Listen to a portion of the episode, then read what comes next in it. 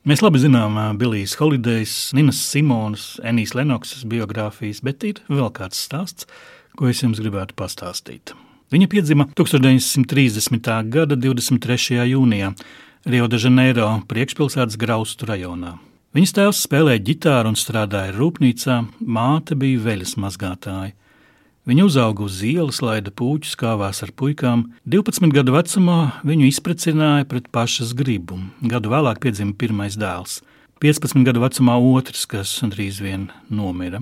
Kad vīrs saslima ar tuberkulozi, viņa sāka strādāt ziepju fabrikā, bet 21 gadu vecumā kļuva par atraitni ar pieciem bērniem. Viņa sapņoja kļūt par dziedātāju. Kad es pirms pieciem gadiem uzzināju par Elzu Suāresu, man šķita, ka tas ir jaunatklājums. Izrādījās, ka viņa ir pazīstamākā 20. gadsimta brazīliešu mūziķe. 1962. gadā Elza uzsāka attiecības ar Brazīlijas futbola zvaigzni Gariņču. Izjaucot futbolistu iepriekšējo laulību, Elza kļuva par brazīliešu nīstāko sievieti. Viņu dēvēja par raganu, apskaukāju uz ielas, draudēja nogalināt, viņas māju apmētāja ar olām un tomātiem. 1969. gadā Gariņš dzērumā nenovaldīja mašīnu un ietriecās šoseis apmalē. Šajā autokatastrofā gāja bojā Elzas Suāres māte. Viņa pati meita Sāra un vadītājs guva viens smagus ievainojumus. Turpmākos 15 gadus Gariņš smagi dzēra, līdz 1983. gadā mira no aknu cirozes. Elza bija satriekta un domāja par pašnāvību. Vienīgais, kas glāba, bija mūzika. Kopš 50. gadu sākuma viņa bija sambas, bosanovs un džēzus dziedātāja.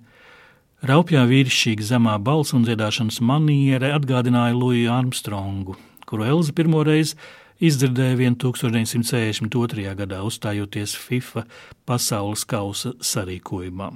Savas karjeras laikā ierakstījusi vairāk kā 60 albumus, 2000. gadā Elza Suāres Londonā saņēma tūkstošgadus labākās dziedātājas titulu.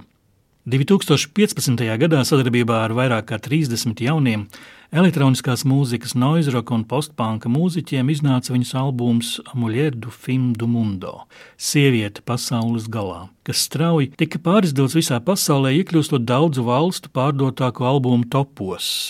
Dziesmas tajā stāstīja patiesību par dzīvi Brazīlijā.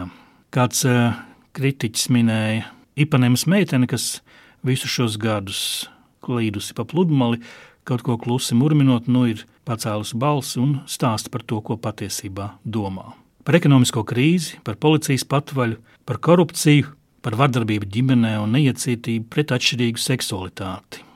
Katra no 11 šī albuma dziesmām runā par kādu pazemotu, beztiesisku, noklusētu vai apklusinātu cilvēku grupu un tās pieredzi. Jau ilgāku laiku Elza Suares ir geja, lesbiešu, transpersonu, prostitūtu, un no vardarbības cietušu sieviešu aizstāve. Nu jau 90 gadīga, viņa joprojām turpina uzstāties, runāt, dziedāt un izdot jaunus albumus.